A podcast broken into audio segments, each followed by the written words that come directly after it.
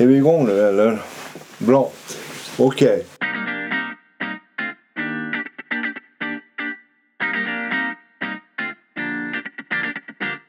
Idag tänkte jag se vad är vår personliga ansvar och plikt som liberaler när det gäller yttrandefrihet.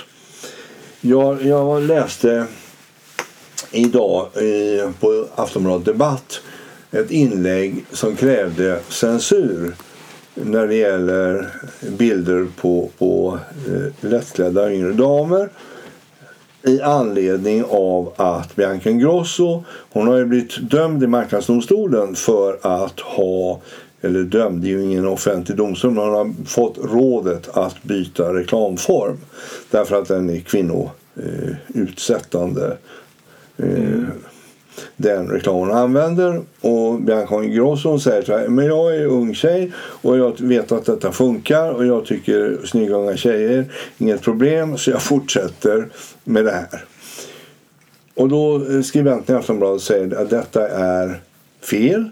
Även om hon tycker som hon tycker så bör samhället ingripa och se till att rättar hon sig inte efter den frivilliga bransch branschnormen, ja då får staten in- ingripa och censurera. Och du menar, det är klart att man blir upprörd därför att liksom, eh, tryckfriheten är eh, liksom över, över, den är viktigare än allt. Man kan inte tänka sig att man kastar sig in och gör resur, vad heter det? censur bara för flickorna är för lättklädda. Alltså jag blir eh, upprörd på ett bredare plan för jag tycker alltså det här blir ju någon form av tillbaka till en SIP eh, förtid, någon slags eh, tyskt 30-tal. Jag, jag kan tänka mig om vi öppnar den här typen av dörrar eh, och börjar fundera på censurera och så helt plötsligt så blir Sverigedemokraterna eh, i regering. Ja, ska vi då ha eh, vajande vetekorn och blonda arbetare och Kraftwerks Freude? Eller, eh, Som, alltså, som enda, enda tillåtna motiv liksom. Ja, men alltså- ja. och, och, och där tycker jag det är intressant. Hur långt måste vi som fria liberala företrädare för liberala fri och rättigheter tillåta oss och samhället att gå i frihetens namn? Det är jättekrångligt tycker jag. Därför att jag kan ju, kanske inte att jag skulle reagera på de här lättklädda kvinnorna men, men, eller mot dem. Men, men, jag, jag kan ju erkänna att man då och då har hemfallit spontant, kanske i tysthet, åt att hur kan de publicera något sånt hemskt? Så det här borde verkligen inte få finnas. Eller, eh, så, sådana där bilder kan man väl inte ha överhuvudtaget. Och det där är ju att gå alldeles för långt. Och sånt där, va? Men det är klart som sjutton att, att man, om det måste sägas högt och ska dessutom skrivas i lag så kan man ju inte ha inskränkningar på det sättet. Det, det, så fort man säger det så inser man att någonstans kanske det finns gränser. Men det, den grundprincipen är väl inte att allt ska vara tillåtet men att det är tillåtet att trycka och skriva och säga eh, det man tycker sig vilja säga och tycka. Det är ju det är en extremt viktig princip. Och sen leder det till en del yttringar som inte de här lagarna och förordningarna är skrivna för. Men det är, det är viktigare att lagar och förordningar får vara intakta än att, ända till varje period kastas över de yttringarna i ytterkanten som man tycker blir lite konstiga. Och jag tycker att den ordning vi har i Sverige är ganska bra. Alltså vi vet vad man får göra och man, man får inte kränka människor och så vidare. Och jag tycker att det, det, det räcker eh, som reglemente. Men nu kommer det från alla håll. Det kommer från miljöhåll, det kommer ifrån autokrater, det kommer ifrån religiösa och så kommer det från Eh, vanliga liberala människor. Det här är inte bra, det här måste vi reglera. Och jag tror att det är livsfarligt att ens fundera i den riktningen. Um, men jag kan inte låta bli att tycka så här. Jag, jag inbillar mig fortfarande att USA är liksom tryckfrihetens starkaste land. Men Då undrar jag, hur skulle det uttryckt i Amerika? Skulle de, skulle, om man, skulle det i Amerika då väckt en opinion? Den här, det här företaget visar kvinnor på ett eh, nedsättande sätt och det bör de inte göra, det är inget bra för dem. Men skulle de sträcka sig till att säga att vi måste ändra konstitutionen? Förmodligen inte. Jag, jag gissar verkligen bara. Alltså. Förstår jag menar? Att liksom, man kan ju tycka illa om en form av annonsering och säga att det där är ju helt det är ju som de gör i ett modernt Sverige. Visa kvinnor på det där halvnakna sättet. Mm. Men inte sjutton kan man hävda att, det är ett, det borde ändra, att lagen borde ändras. Man kan tycka att det där företaget vill inte jag handla hos om man använder kvinnokroppen på det sättet. Det är, men det är en annan sak egentligen. Det handlar ja. inte om tryckfrihet eller yttrandefrihet. Jag, jag, jag försvarar din rätt, det är ju gammal Voltaire. Jag tycker verkligen inte om det du säger och jag kommer aldrig hålla med dig men jag försvarar verkligen din rätt att få uttrycka det. Jo, precis. Va? Och jag undrar, vad är det som gör att vi tar till oss det här igen? Att vi tänker att man liksom funderar i självcensurriktning som fri liberal. Eh, ska man verkligen få visa det här? Jag tycker det är en obehaglig tanke. Men är det inte så att vi människor Mm, vi människor kanske har det som grundläggande känslouttryck. Nej, jag tycker inte om det här. Jag vill inte att det här ska finnas. Jag vill ha bort det här. Jag vill inte att det här ska finnas i min familj. Jag tycker inte att sånt här ska få uttryckas i min vänkrets på vårt jobb säger vi inte så här och sen så vidgar man den så blir den här kretsen lite för stor. Plötsligt omfattar det rikets grundläggande lagar. Jag undrar om inte det är sådana saker som, som spelar roll här. Jo, men alltså för, för, att ta, ta en ska mer allvarlig vinkel på det. Om man tänker på den här eh, soffan-grejen eh, i Göteborg. Ja. Alltså, hon har som socialdemokratisk centralpolitiker arbetat hårt emot hedersförtryck. Mm i förvaltningen i Göteborg. Ja. Och hon har blivit lite varg i veum inom partiet mm. Eh, därför de har en stor väljarbas som inte riktigt eh, tycker att det här är så bra. Och nu så var det en debattartikel då, underskriven av 75 centrala muslimer som tyckte att ja, det här är ju hets mot eh, religion och mm. det är inskränkningar i, i friheter och det är, det är anklagelser för terrorism och det är ja, det ena, ena med det fjärde. Ja. Och rent sakligt sett när man läser den här artikeln så är det en massa moraliserande tyckande ifrån en viss ja, håll. Ja, och nu kanske jag är part i målet eftersom jag håller med soffan så att säga. Men, men ska det bli den typen av ska jag säga, tyckande som ska styra våran eh, yttrandefrihet och om hon nu blir fälld vad är nästa steg? Att man inte får eh, säga någonting om kristendomen, att man inte får säga någonting om islam, att man inte får säga någonting om att uppfostra era ungar så att de inte slår varandra. Alltså, vad, vad, det, det, alltså, om den typen av ganska osaklig populism från ett visst håll ska kunna påverka yttrandefrihet då blir ja, man ju orolig. Och då i namn av att man, eh, man, man ska inte... Det, det, det, du säger är inte riktat mot en yttring eller en gärning eller sånt där, utan det är riktat mot en, en folkgrupp eller det hetsar mot en typ av religionsutövare eller någonting sånt där. Va? Och därför bör det inte sägas. Ja. Det är klart att det det kan man ju säga vid, vid det första påseendet kan det låta lite som ja det låter ju vettigt sådär. Klart att inte vi ska Eh, en som springer och hetsar mot judar är ju inte riktigt rumsren tycker vi och det bör egentligen inte förekomma i vårt samhälle. Men det är klart som sjutton att om man, vänd, eller man sen fortsätter, ska vi då förbjuda alla som hetsar mot judar och hetsar mot muslimer och hetsar mot alla som är djupt kristna? Nej, då har det liksom gått alldeles för långt. Ja, men det här, det här är också en intressant, för här finns en dimension till. Va? För just när det är hets mot judar så finns det ett kollektiv självcensur. Därför även om nu statsministern förra veckan säger då att immigrationen har ökat antisemitismen i landet mm. så är det ju ingen när jag läste en artikel häromdagen att ja, i vissa klasser kan man inte informera om, om, om förintelsen. Därför att det blir uppror i klassen. Ja, det är att någon som räcker upp handen och säger det där tror jag inte på. Ja, de blir till och med aggressiva ja. om de är en fyra, fem stycken. Va? Och och då tar samhället någon form av kollektiv tankepaus och säger ja men det kanske är hets mot dem som vill, inte vill hetsa. Eller de som vill, alltså, och då, då blir, ju, då blir det en, en, en självcensur. Därför att i samma ögonblick som, som statsministern implicit antyder att muslimsk invandring i Malmö har ökat antisemitismen i Malmö så läggs locket på och så blir det en ström av synpunkter på att så får man inte säga och, och det har inte med var folk kommer ifrån antisemitism och antisemitism har alltid funnits och, och sådär.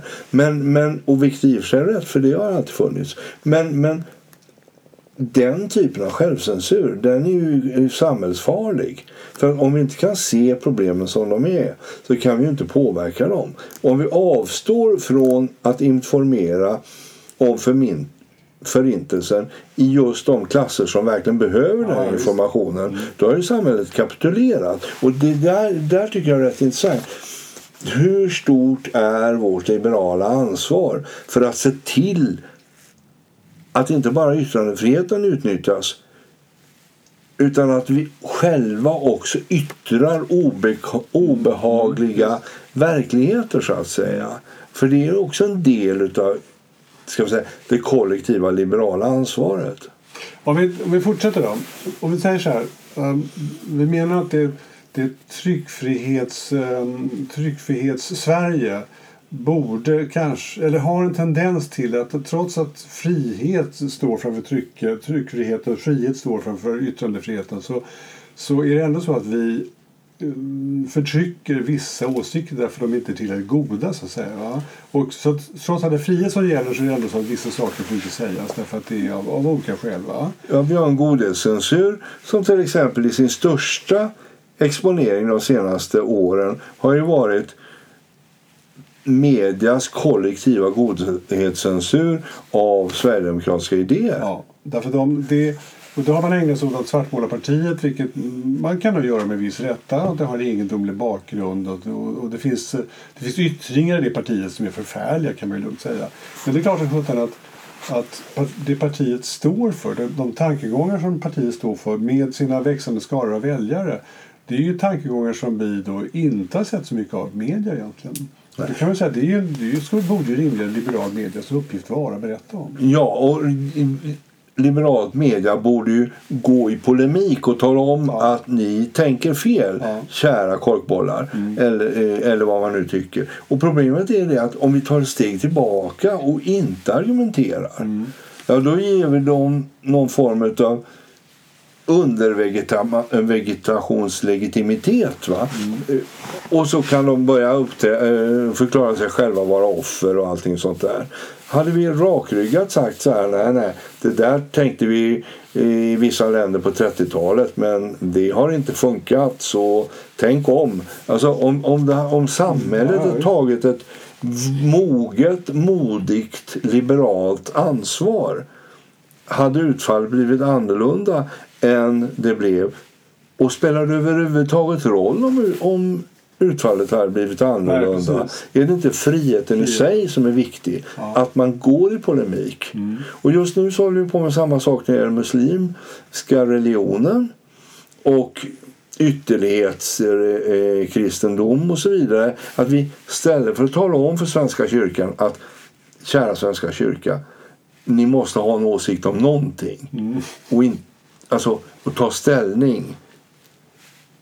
Eller mot, när det gäller muslimer. Hur kommer det sig att ni inte kan uttala fatwa mot dem som gör de här konstiga sakerna? Mm. Vad är det som gör att ni inte vågar hantera begreppet jihad på ett kan vi säga, ett utredande sätt?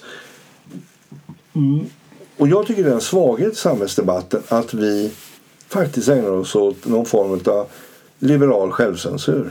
Om man fortsätter, alltså det finns ju yttringar som man hör om bara. Det här att Ehm, frihet, är all, frihet är säkert bra när det gäller att tycka och yttra saker men vi på universitetet vi vill inte höra de här åsikterna. Det dyker upp då och då egendomliga nyhetsnotiser om, om välja så här, eh, ska man säga, protest, korta proteströrelser. Ska den föreläsaren komma hit och prata om det här? Det vill inte vi. Ja, trigger warnings och ja, sånt där. Och det, det, tycker inte vi om. Vi vill inte höra sådana saker. Och om det nu är så att han eller hon ska berätta här så vill vi veta det i förväg vad han eller hon ska säga.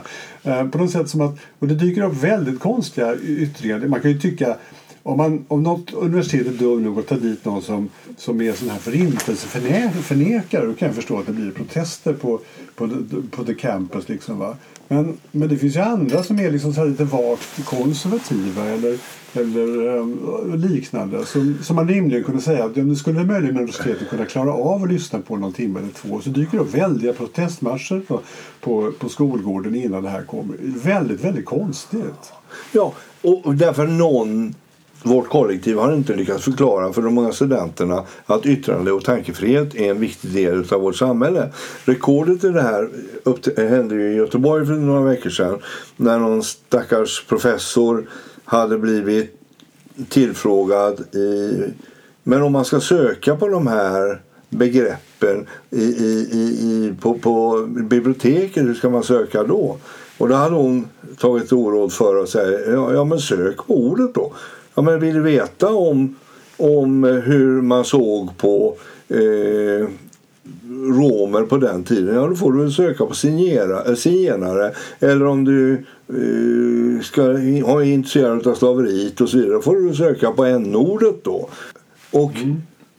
Då blev hon uppkallad. Och det är en praktisk... Alltså, I de gamla eh, uppslagsböckerna så står det under de här de gamla, orden. De gamla numera obehagliga orden. Ja. Mm. Och, och, och, det var neutral information att vill du läsa om det så får du slå på det ordet. Ja, då blev hon uppkallad till rektor på mm. förhör mm. och får banner. Hon har varit professor i 40 år. För att hon har talat om att det står ett ord i en uppslagsbok från 1930. Mm. Jag menar, det är ju helt absurt. Och, och då undrar man, tar vi liberaler vårt ansvar i samhället om vi låter sånt här förekomma? Det här, då ska ju liksom Dagens Nyheter skriva så här, men hallå, så får ni inte självcensurera. Verkligheten finns. Och den fanns faktiskt före 1999 också.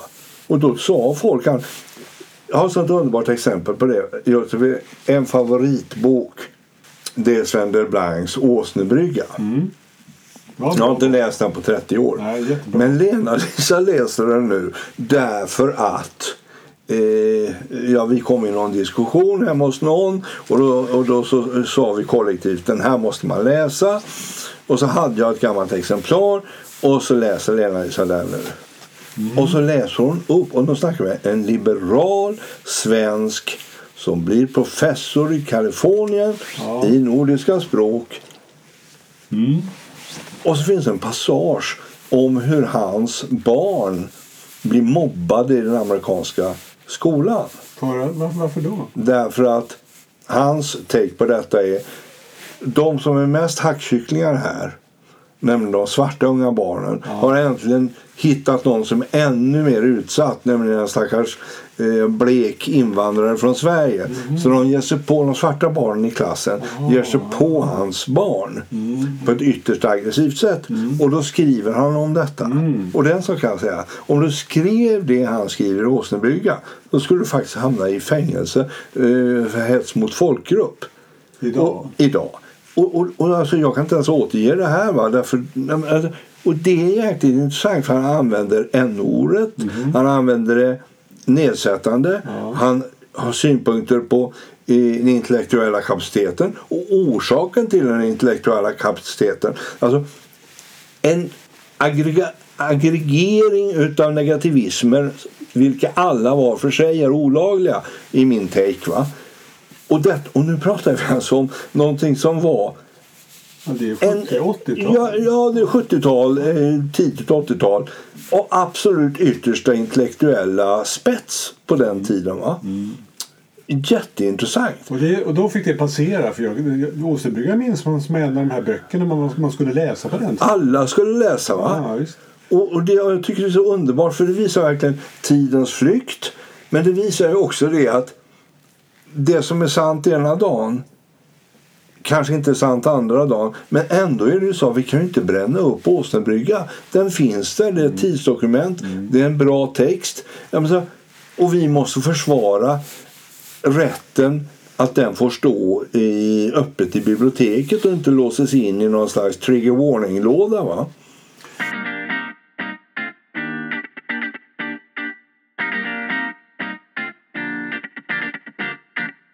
Ja, men intressant. Jag, jag, när jag hör dig berätta det här så tänker jag så här. N-ordet är ju en sån här som är, det har inte blivit lagstiftning på något sätt utan det är mer att det är moral. Man använder inte det längre och gör man det så, så, så, hör, så spetsar alla öronen och säger att det där är fel, så där borde man inte säga. Jag, tycker, jag märker att jag tycker att det det, låter ganska rimligt på något sätt. Den typen av uh, förändring kan jag tycka är rimlig och skälig på något sätt. Va? Absolut. Men det är klart om, den, om det plötsligt infördes i lagboken skulle jag tycka att det var lite egendomligt. Det är bättre att det får vara på den nivå det är nu. Och sen så har man lagen som, som mycket mer övergripande. Det jag, men det jag funderar på är så här. Jag kan inte låta bli att tro att det är så att det pågår då och då lagändringar som är ganska detaljerade. Och då menar jag just det här med hets mot folkgrupp är någonting som, som sakta börjar mejslas ut som något sorts särskilt sätt att uttrycka sig som då blir förbjudet. Förstår du vad jag menar? Att det där är ett exempel. Mm. Om man skulle tänka sig att svensk, skulle man kunna tänka sig att svensk lag eller lagstiftare hade stannat och sagt så här. Vi tycker det här är väldigt obehagligt när det här sker. Det är naturligtvis inte tillåtet. Men vi har ingen anledning att ändra vår svenska grundlag när det, säger, när det handlar om vad man ska säga och inte få säga. Nej, precis. Utan, utan vi, vi ska utrusta polisen med ordentliga resurser. Vi ska utrusta domstolarna med, med ordentlig tolkning av vad man får göra och inte göra. Men att instifta lagar där man detaljbeskriver vad som får sägas och inte sägas det kanske går lite för långt. Det här låter ju naturligtvis kanske väldigt eh, icke-politiskt korrekt idag men, men man, man, måste ändå lyfta frågan. Ja, men jag, tyckte, jag tyckte det var en sån ögonöppnare det här. Därför att om vi skulle läsa högt ur De Blanc mm. på ett universitet idag mm. då skulle vi förmodligen bli uppkallade till rektor mm. på förhör.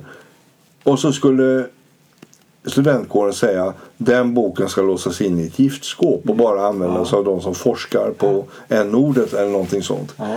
Och, jag tycker det är grundläggande farligt. Va? Därför att så länge vi är i den sfär vi är just nu och den politiska maktförhållanden är som, de, som den är just nu så är det väl ska vi säga okej okay och uthärdligt.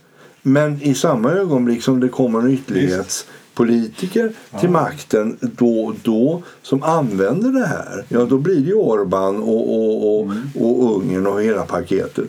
Och, och jag tror att på något sätt så, så ligger ett ansvar på oss liberaler att hålla dörren öppen. Alltså, alltså det ska inte bli sådana här eh, inskränkningar. Därmed inte sagt att vi ska gå ut och beställa eh, ska vi säga, eh, chokladbollar med n-ordet ja. i någon slags protest. För det är ju bara fånigt. Ja. Men, men alltså, på något sätt så ska man upp, upprätthålla rätten att till exempel rita en Mohammed-karikatyr. Mm. Även om vi inte skulle våga göra det och även om vi tycker att det är fel att göra det och även om ingen skulle publicera det och även om det vore... Alltså, så ska det vara så att n-ordet försvinner därför att kollektivet slutar använda det. Z-ordet försvinner därför kollektivet slutar använda det. Inte därför att det står i, i någon lagtext att si och så får du inte säga. Kanske, när vi ju mer pratar på jag undrar om det är så här att av alla de friheter som har dykt upp i västerlandet sen, sen den, den tid vi kan överblicka, alltså 1400-1500-talet, mm. så kanske det här är den allra viktigaste. Om man tänker sig andra friheter, alltså man la ner skrået i form av att det ska vara fri företagsamhet, man, man har eh, fria marknader som blir mer och mer fria, man har Eh, vi tycker att staten ska ta hand om viktiga saker men kanske inte driva företag och se till att eh, den typen av verksamhet som leder till arbete och utveckling att det ska också vara på fria marknader, det ska vara fria, fria yrkesutövare. Många av de sakerna så skulle man kunna tänka sig att de om, om klimatproblemen blir hårdare eller om vi utsätts för ett, ett större militärt hot då skulle man kunna tänka sig inskränkningar i det. Därför man behöver samla resurserna till försvar eller man behöver man har inrättat det blir klimatkriser som gör att vi måste eh, ha ett statligt övergripande ansvar för hur man tar hand om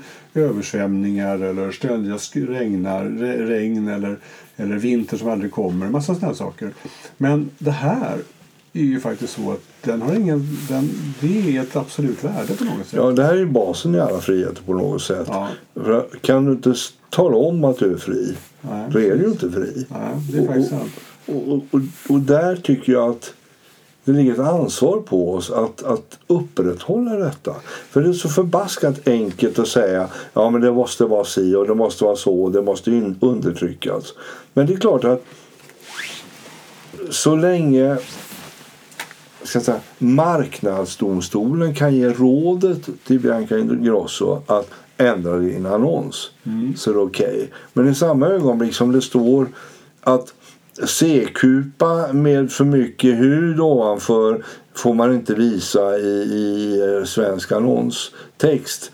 Eh, Statens offentliga utredningar eh, kolon 30 och, och sedermera eh, författningssamlingen kolon 42. Jag menar, då, då är vi ute på en riktigt farlig väg. Ja, det, men jag måste ändå ta upp det extrema exemplet. Det, det allra mest extrema. Låt oss säga att vi blir utsatta för hot. Vi hamnar i en krigssituation. Och då, då, då börjar det ju krångla till sig. Ska vi, då, ska vi då fortfarande hävda den absoluta tryckfriheten? Även om vi vet att tidningarna skulle kunna, eller press, media skulle kunna avslöja sånt som skulle kunna vara till godo för den, för den anfallande makten. Därför att eller, eller ska vi då tillåta inskränkningar? Skulle vi tillåta att staten ingriper i vad som får förmedlas? Detta är jätteintressant därför när Hanna Stjärne var det väl som var intervjuad Mm. i Epstein, Nordgren Epstein häromveckan. Då svävar ju hon på målet Ja, när det gällde detta att regeringen styr Sveriges Radio om det är krig och örlog. Och hon hävdar ju konsekvent att, att eh, ska säga, konsekvensneutraliteten råder även i det läget journalistiken är, är totalt fri. Det måste det göra så länge det är fred. Så att säga. Ja, men, men naturligtvis så blir det inskränkningar som det var under, under andra världskriget. Alltså på något sätt så blir det inskränkningar. Och om de sen blir subtila, som att pappret tar slut så att det inte går att trycka Dagens Nyheter, eller på annat sätt, vad vet jag, men, men på något sätt så Men samtidigt var det så att uh, Sjöfartstidningen eh, i Göteborg Ja. den, de vägrade ju anpassa sig. Ja. Så de anpassade sig liksom uh, li, de anpassade lite grann när de blev tvungna på något sätt. Men jag tror, jag tror mer att det var pappret tog slut snarare än att de, de gjorde som regeringen sa. Ja, nej men alltså Segerstedt blev ju en hjälte, tryckfrihetshjälte baserad på det. Men det är ju klart att det var Göteborgs Handels och Sjöfartstidning. Det var en elittidning Ja. för en liten grupp eh, företagare och, och, och redare och, och intellektuella i Göteborg. Det var naturligtvis mera uthärdligt än om det hade varit Dagens Nyheter. Och det tror jag också, men det fanns ändå där. Alltså. Det fanns det och det Framförallt, var och tyskarna var ju precis som kineserna. De hade en järnkoll på att det ja, skrevs arga som obehagliga, bi. Obehagliga saker i en, i en viktig svensk Jo. tidning. Och Men- det tillåter svenska staten. Hur kan ni? Mm. Och vilket var väldigt bra att, att det var så. Och det är ungefär som Karl Gerhard sjöng om, eh, om den ökända hästen i Troja och, och böt texter och så vidare. Och, men det är ju ett steg hitom krig och örlog. Va? För att det är klart att om redaktör X vill säga i Sveriges Radio att ja, nu så har vi befäst ön Z för vi räknar med att Fi ska komma ifrån Y. Alltså, fienden ska inte veta att vi har befäst ön Z i det läget.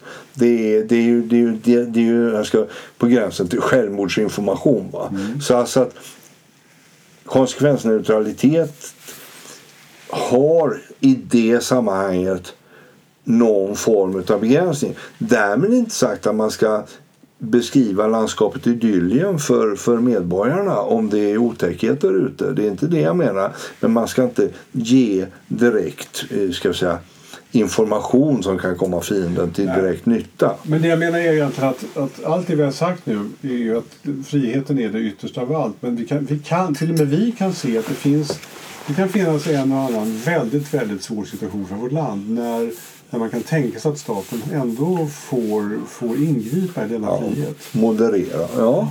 Och sen är det ju så att alla får ju ha sina politiska åsikter. Och det här som vi hade under andra världskriget att sossarna låste in kommunisterna på läger i Norrland och sånt.